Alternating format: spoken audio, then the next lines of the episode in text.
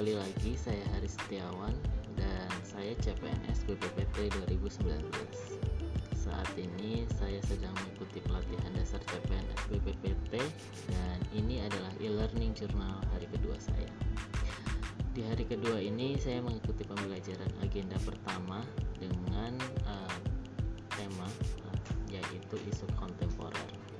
Tutor untuk hari kedua ini masih dipandu oleh Pak Mulyanto pagi hari jam 7.15 kegiatan dimulai dengan apel pagi yang dipimpin oleh Pak Mulyanto. Lalu jam 7.30 dilanjutkan pembelajaran kelompok di room Zoom masing-masing. Sebelum memulai pembelajaran, beliau memberikan video yang harus kita tonton untuk menjadi bahan renungan kita. Dari video itu kita bisa menarik makna yang pertama yakni not trial error but trial and learn. Di situ maknanya adalah masalah sebanyak apa kita gagal selama kita bangkit dan belajar dari kegagalan itu. Lalu kesombongan adalah awal dari kehancuran kita dan rendah hati dan terus berbagi itu adalah hal yang membuat orang lain ikhlas dipimpin oleh kita. Nah, lalu materi dilanjutkan mengenai isu-isu kontemporer yang, yang berkembang saat ini di masyarakat. Beberapa contoh dari isu tersebut adalah korupsi, nepotisme, terorisme, juga narkoba. Bahwa masalah-masalah ini bermula dari kepribadian individu itu sendiri, bahwa mereka tidak menjiwai nilai-nilai dari Pancasila dan lebih mementingkan kepentingan pribadi dibandingkan kepentingan kelompok. Lalu Pak Mulyanto juga mengajarkan kita mengenai tahapan penyelesaian isu yang dimulai dari pra-analisis, kemudian memilih atau menepis isu, lalu kemudian mendalami atau menganalisis isu dengan teknik-teknik uh, mulai dari fishbone, SWOT, mind mapping dan lain-lain. Lalu juga merekomendasikan alternatif dari penyelesaian isu tersebut. Selanjutnya kami diberikan beberapa tugas mulai dari analisis isu instansi, learning journal kedua, dan tugas kelompok analisis isu kontemporer. Sekian e-learning journal hari kedua saya. Terima kasih. See you next day.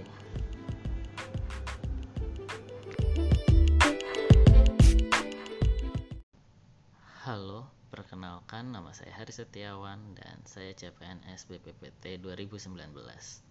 Saat ini saya sedang mengikuti pelatihan dasar CPNS BPPT dan ini adalah e-learning jurnal hari ketiga saya. Di hari ketiga ini saya pertama kali mengikuti apel pagi jam 7 lebih 15 yang dipimpin oleh Pak Pelik Budiana. Beliau adalah Direktur Manajemen Informasi dari BPPT. Nah, materi pembelajaran pada hari ini mengenai pembinaan sikap dan perilaku. Dipandu oleh Pak Kelik Budiana. Beliau memberikan kesempatan bagi kami untuk berpikir kritis mengenai aturan kode sikap dan perilaku selama pelatihan. Pak Kelik berpendapat bahwa kita tidak hanya harus mematuhi norma hukum, sosial, dan susila selama pelatihan, tetapi juga nanti sesudah setelah pelatihan. Nah, selanjutnya Bapak Pak Kelik ini memberikan kami kuis untuk mengisi satu kata mengenai pembinaan sikap dan perilaku. Di situ paling banyak kata yang muncul dari rekan-rekan CPNS adalah disiplin. Saya berpendapat bahwa membuat sikap dan perilaku menjadi suatu kebiasaan itu membutuhkan waktu yang tidak sebentar, tetapi membutuhkan waktu yang lama dengan disiplin dalam mengikuti aturan. Ketika kita sudah memiliki suatu kebiasaan yang baik, Nantinya ini juga akan berimplikasi pada kinerja kita dalam hal ini menjadi seorang ASN. Selanjutnya, beliau bertanya mengapa pembinaan sikap dan perilaku ini penting pada saat era industri 4.0. Karena pada era industri 4.0 saat ini, kita dituntut untuk memiliki sikap dan perilaku yang agile mindset. Nah, agile mindset di sini berarti kita tidak hanya cepat menyelesaikan tugas, tetapi kita dapat cepat beradaptasi dengan perkembangan teknologi yang ada. Selanjutnya hari ini kami mempunyai tugas individu yakni membuat rencana aksi bela negara dan tugas kelompok yakni video visualisasi bangsa. Sekian e-learning jurnal hari ketiga saya. Terima kasih. See you next day.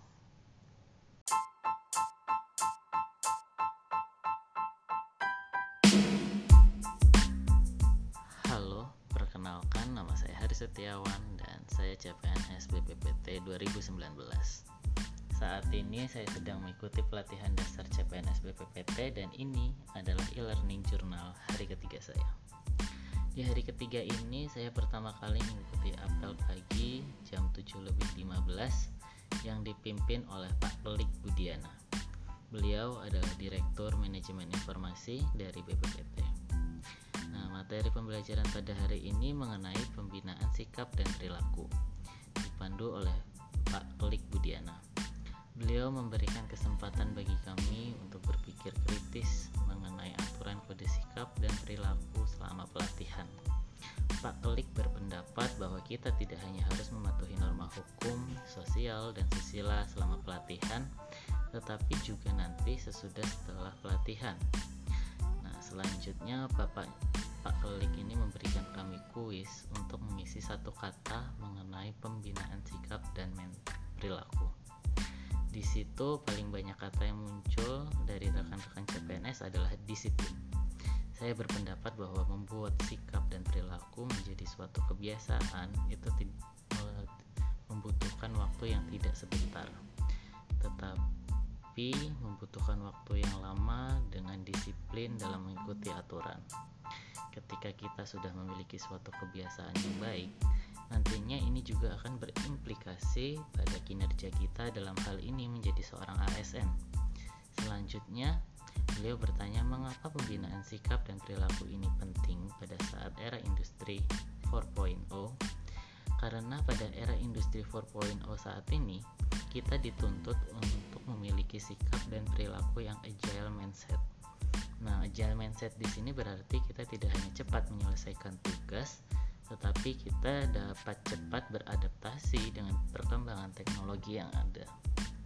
Selanjutnya hari ini kami mempunyai tugas individu yakni membuat rencana aksi bela negara dan tugas kelompok yakni video visualisasi bangsa.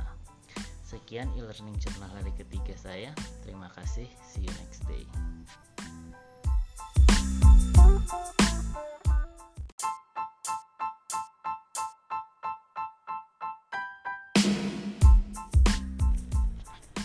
Halo, perkenalkan nama saya Hari Setiawan dan saya CPNS BPPT 2019. Saat ini saya sedang mengikuti pelatihan dasar CPNS BPPT dan ini adalah e-learning jurnal hari ke-8 saya.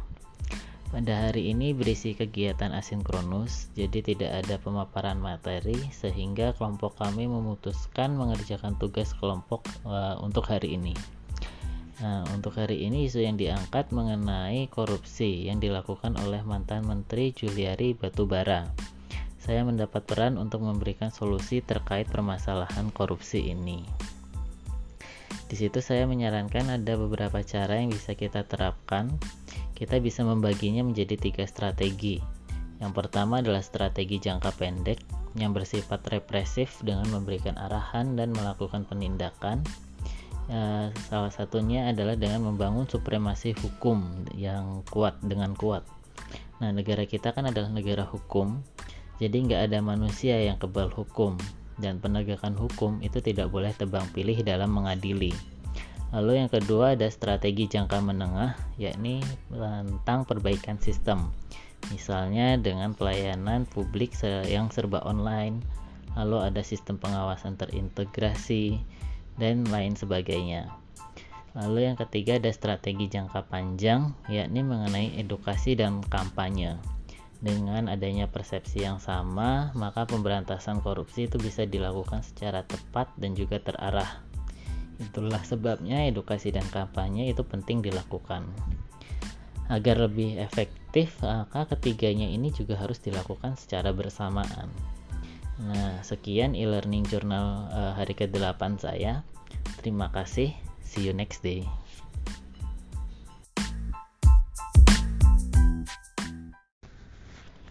Halo, perkenalkan nama saya Hari Setiawan dan saya CPNS BPPT 2019. Saat ini saya sedang mengikuti pelatihan dasar CPNS BPPT dan ini adalah e-learning jurnal hari ke-9 saya. Di hari ke-9 ini saya mengikuti pembelajaran agenda kedua mengenai benchmarking nilai-nilai di mana tutor untuk hari kedua ini masih dipandu oleh Ibu Ida. Lalu pada pagi hari jam 7.30 kegiatan dimulai dengan apel pagi dan selanjutnya di pembelajaran dilakukan di room Zoom kelompok masing-masing. Nah, agenda hari ini dimulai dari pemaparan tugas kelompok mengenai analisis kasus korupsi yang dilakukan oleh mantan Menteri Juliari Batubara. Di situ kami menampilkan video hasil diskusi yang sudah kami buat. Kemudian kami diminta untuk memberikan pendapat kami uh, mengenai apa sih yang dipikirkan Pak Juliari uh, Batubara ini saat wawancara dan saat melakukan korupsi. Nah, di situ kami berpendapat bahwa saat wawancara, Pak Juliari ini bisa memberikan jawaban bagaimana cara untuk e, mencegah terjadinya korupsi. Tetapi ketika ad, Pak Juliari ini diberikan kesempatan untuk melakukan korupsi, maka beliau malah mengingkari janjinya dan malah melakukan tindakan korupsi. Nah, lalu Ibu Ida juga bertanya, apa yang bisa kita lakukan untuk membentengi diri kita dari perilaku korupsi ini? Nah, kami kami berpendapat bahwa salah satunya yaitu dengan pendidikan sejak dini, di mana pendidikan ini penting karena sejari kecil dan sejak dini kita sudah akan terbiasa untuk berperilaku anti korupsi. Nah, selanjutnya Ibu Ida juga memberitahu bahwa untuk membentuk suatu PNS yang profesional dan berkarakter itu membutuhkan resep seperti makanan. Nah, resep-resepnya itu adalah yang pertama adalah kemauan yang kedua adalah ilmu dan yang ketiga adalah nilai-nilai dasar aneka. Nah, ketika ketiga resep ini sudah terbentuk, maka eh, PNS ini dapat menjadi pelaksana kebijakan publik, pelayan publik, perekat dan pemersatu bangsa yang baik. Selanjutnya kami diberikan tugas individu untuk membuat benchmarking pada instansi pemerintah pusat, daerah, atau BUMN maupun tokoh-tokoh. Sekian e-learning jurnal hari pertama saya. Terima kasih. See you next day.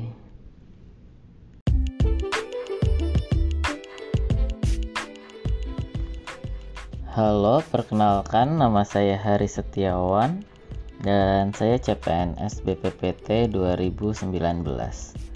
Saat ini saya sedang mengikuti pelatihan dasar CPN SPBPT dan ini adalah e-learning jurnal hari ke-10 saya.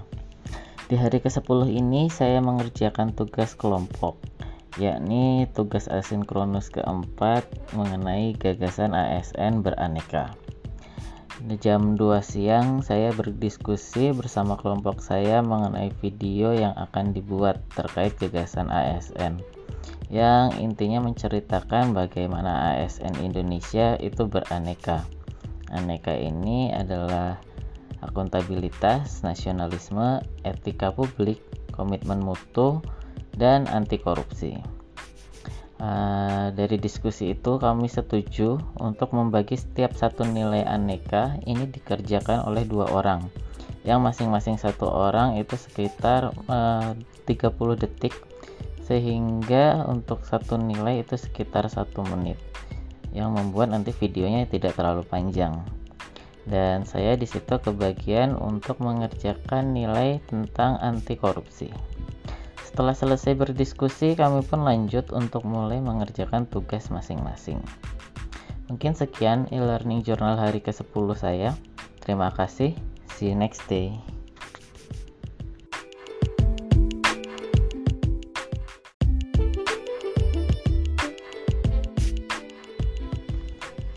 Halo, perkenalkan nama saya Hari Setiawan dan saya CPNS BPPT 2019.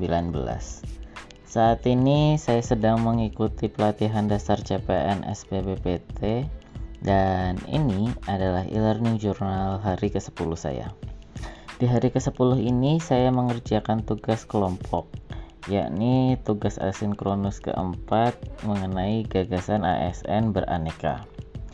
Di jam 2 siang saya berdiskusi bersama kelompok saya mengenai video yang akan dibuat terkait gagasan ASN yang intinya menceritakan bagaimana ASN Indonesia itu beraneka.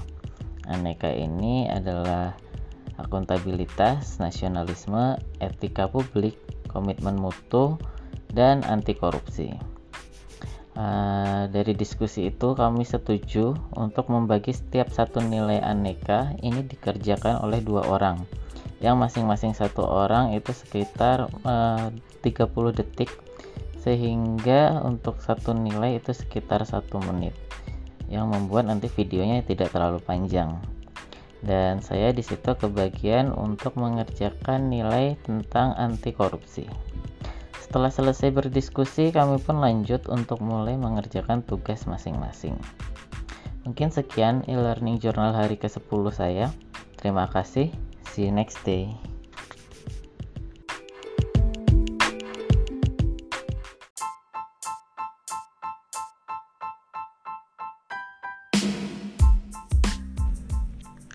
Halo, perkenalkan, nama saya Hari Setiawan dan saya CPNS BPPT 2019.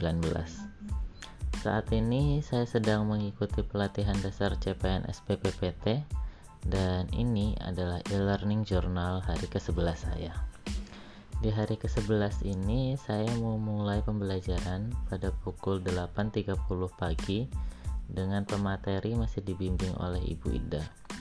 Di awal kami disuruh untuk mempresentasikan tugas uh, benchmarking nilai-nilai baik dari tokoh maupun dari instansi yang telah kami buat. Di situ kami mempresentasikan mulai dari tokoh BJ Habibie, kemudian Pak Ahok, dan ada instansi Komisi Pemberantasan Korupsi. Ada beberapa nilai yang bisa kita ambil mulai dari ketegasan Pak Ahok dalam memerintah dan betapa nasionalismenya Pak B.J. Habibie yang rela melepas jabatannya di Eropa demi membangun Indonesia. Setelah itu materi dilanjutkan dengan Ibu Ida menampilkan kondisi indeks korupsi di Indonesia, kemudahan berinvestasi, kemudian juga kualitas pelayanan publik dan lain-lain dibandingkan dengan negara-negara Asia Tenggara lainnya.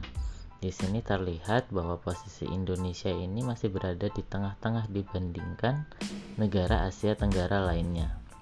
Nah, dari sini Ibu Ida mengajak kami berdiskusi mengenai apa yang menjadi penyebab ini dan kami pun berpendapat bahwa penyebab ini adalah pertama karena kita masih kurang mencintai bangsa kita sendiri dan sejak dini kita harus menanamkan jiwa terhadap jiwa cinta terhadap bangsa kita sendiri. Kedua, karena kita masih kurang dalam menyebarkan keberhasilan-keberhasilan pemerintah serta peran media pemerintah ini yang masih belum signifikan. Nah, sekian jurnal hari ke-10 ke-11 saya. Terima kasih. See you next day.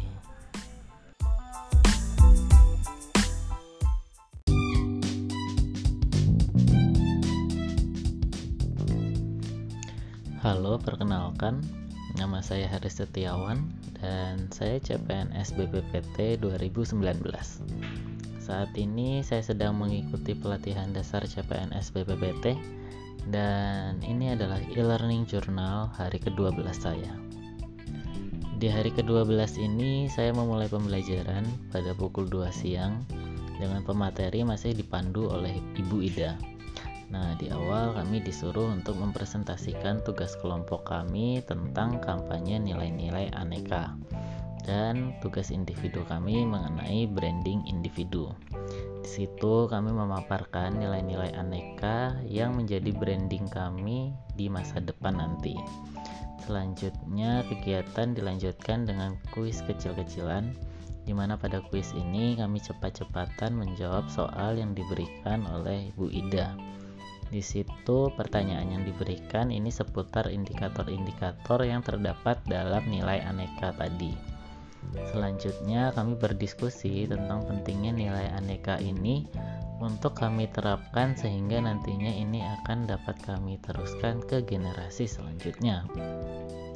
Hari ini pun merupakan hari terakhir pada agenda kedua ini, di mana ini juga terakhir kami bertemu dengan Bu Ida. Beliau adalah sosok yang penuh semangat dan selalu memberikan motivasi melalui pengalaman-pengalaman serta pengetahuan yang telah beliau lalui.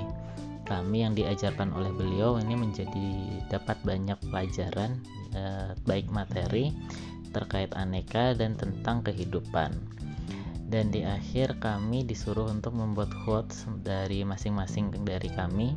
Di situ saya membuat quotes, belajarlah setinggi-tingginya sehingga orang lain tidak mampu menjatuhkanmu.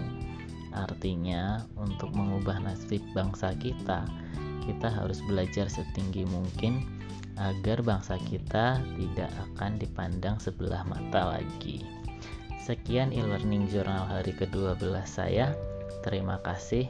See you next day.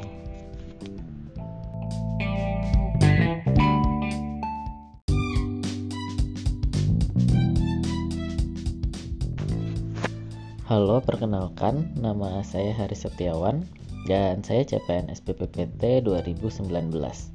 Saat ini saya sedang mengikuti pelatihan dasar CPNS BPPT dan ini adalah e-learning jurnal hari ke-13 saya. Di hari ke-13 ini saya memulai pembelajaran pada pukul 7.30 pagi dengan materi ceramah profesionalisme ASN yang dipaparkan oleh Profesor Suhendar Sakumar sebagai Kepala Puspindiklat BPPT.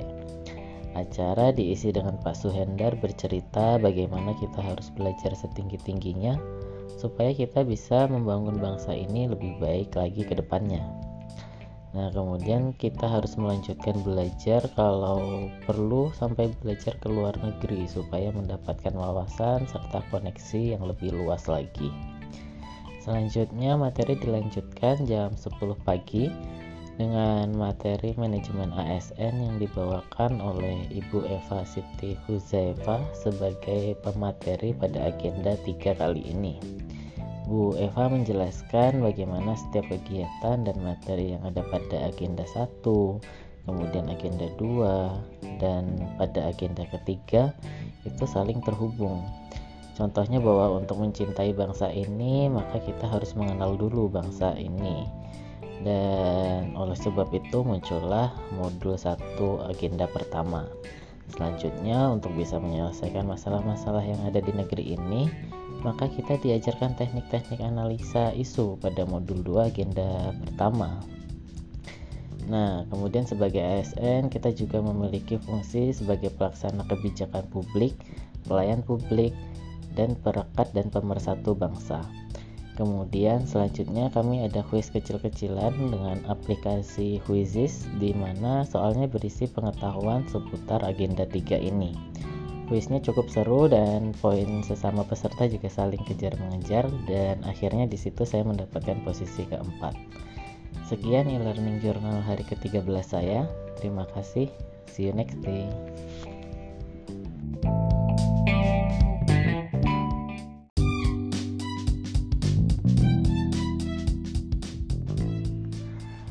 Halo, perkenalkan nama saya Haris Setiawan dan saya CPNS BPPT 2019. Saat ini saya sedang mengikuti pelatihan dasar CPNS BPPT dan ini adalah e-learning jurnal hari ke-14 saya. Di hari ke-14 ini saya memulai pembelajaran pada pukul 7.30 pagi dengan materi pelayanan publik yang dipaparkan oleh Ibu Eva Siti Kuzaifa. Nah, sebelum memulai pembelajaran, di awal Ibu Eva bertanya kepada kami apa saja yang sudah kami pelajari di modul pelayanan publik di MOOC. Di sana uh, kami menjawab bahwa kami belajar banyak hal, salah satunya terkait etika dan etiket, di mana contoh etiket ini banyak macamnya, seperti etiket ber berkomunikasi, kemudian etiket makan, lalu juga dasar-dasar etiket salah satunya adalah politeness di mana kita harus memberikan uh, pelayanan yang ramah kepada uh, masyarakat dengan 5S senyum, salam, sapa, sopan, santun. Kemudian selanjutnya Bu Eva menjelaskan materi terkait pelayanan publik di mana uh, salah satunya yaitu di pelayanan publik ini menurut subjeknya ada tiga unsur penting. Yang pertama adalah uh, penyelenggara. Nah penyelenggara ini adalah lembaga atau instansi yang melaksanakan pelayanan publik baik swasta maupun pemerintah. Lalu ada pelaksana. Nah pelaksana ini adalah semua orang yang bekerja di uh, lembaga atau uh, penyelenggara pelayanan publik. Lalu ada masyarakat. Nah, masyarakat ini adalah orang yang menerima pelayanan publik. Nah selanjutnya uh, ada diskusi mengenai tugas kelompok nah di mana setiap kelompok itu mempresentasikan hasil tugas mereka dan selanjutnya diadakan sesi tanya jawab nah yang bertanya dan menjawab ini nanti diajak jadi kita harus benar-benar tahu dan kita harus uh, bersikap kritis mengenai apa yang dipaparkan oleh kelompok lain dan apa yang nanti akan kita paparkan kepada kelompok lain. Mungkin sekian e-learning journal hari ke-14 saya. Terima kasih. See you next day.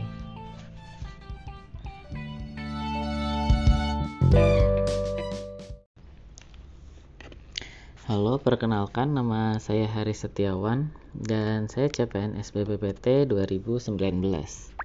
Saat ini saya sedang mengikuti pelatihan dasar CPNS BPPT dan ini adalah e-learning journal hari ke-15 saya. Di hari ke-15 ini saya memulai pembelajaran pada pukul 7.30 pagi dengan materi agenda ketiga mengenai Wall of Government yang dipaparkan oleh Ibu Eva Siti Kuzaeva. Nah, seperti biasa, beliau sebelum memulai pembelajaran, Bu Eva bertanya terlebih dahulu kepada kami, apa yang sudah kami pelajari pada modul, modul Wall of Government di MOOC. Nah, di situ saya berkesempatan untuk bercerita apa yang sudah saya pelajari, yakni mengenai tipe hubungan lembaga negara di mana dapat berupa koordinasi hingga sampai ke pelibatan. Nah, dalam pelaksanaannya WOG ini dilakukan mulai dari sebatas koordinasi koordinasi saja tanpa ada dampak perubahan institusi atau kelembagaan dan dapat juga dilakukan hingga pros, uh, tahap merger atau penyatuan beberapa lembaga menjadi satu unit organisasi yang baru. Nah, setelah itu materi dilanjutkan dengan presentasi kelompok eh, mengenai tugas analisis isu yang telah dikerjakan. Nah, di sini kelompok kami mengambil contoh kasus mengenai pembentukan BRIN. Kemudian dilanjutkan dengan sesi tanya jawab. Lalu selanjutnya setelah presentasi kelompok dilanjutkan dengan presentasi tugas individu mengenai identifikasi dan deskripsi isu wall of government yang ada di instansi. Dan kemudian dilanjutkan dengan sesi tanya jawab kembali. Nah, di dari situ uh, kami juga belajar mengenai uh, pentingnya dalam mengidentifikasi isu. Jangan sampai dalam identifikasi isu ini kami keliru membedakan mana yang merupakan masalah dan mana yang merupakan penyebab. Nah, mungkin sekian e-learning journal hari ke-15 saya. Terima kasih. See you next day.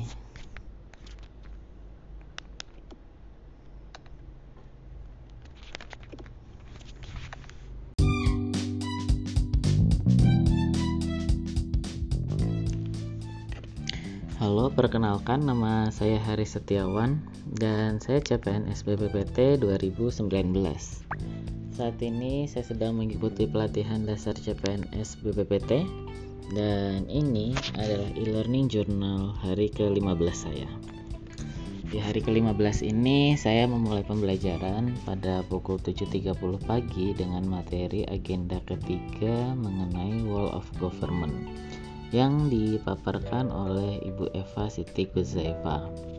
Nah, seperti biasa, beliau sebelum memulai pembelajaran Bu Eva bertanya terlebih dahulu kepada kami, apa yang sudah kami pelajari pada modul, modul Wall of Government di MOOC. Nah, di situ saya berkesempatan untuk bercerita apa yang sudah saya pelajari, yakni mengenai tipe hubungan lembaga negara, di mana dapat berupa koordinasi hingga sampai ke pelibatan.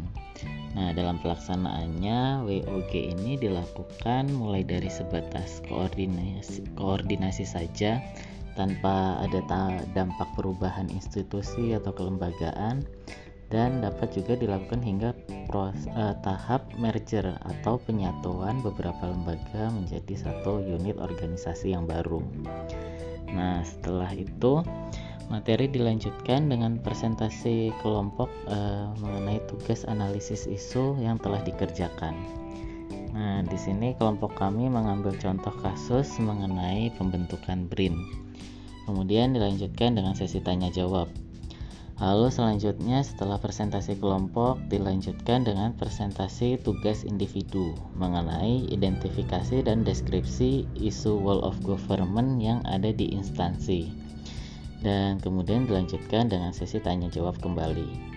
Nah, di dari situ uh, kami juga belajar mengenai uh, pentingnya dalam mengidentifikasi isu. Jangan sampai dalam identifikasi isu ini, kami keliru membedakan mana yang merupakan masalah dan mana yang merupakan penyebab. Nah, mungkin sekian e-learning journal hari ke-15 saya. Terima kasih. See you next day.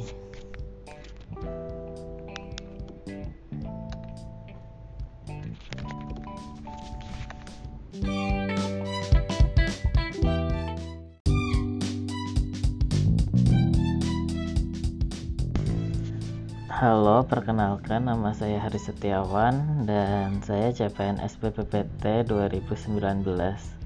Saat ini saya sedang mengikuti pelatihan dasar CPNS BPPT dan ini adalah e-learning jurnal hari ke-16 saya.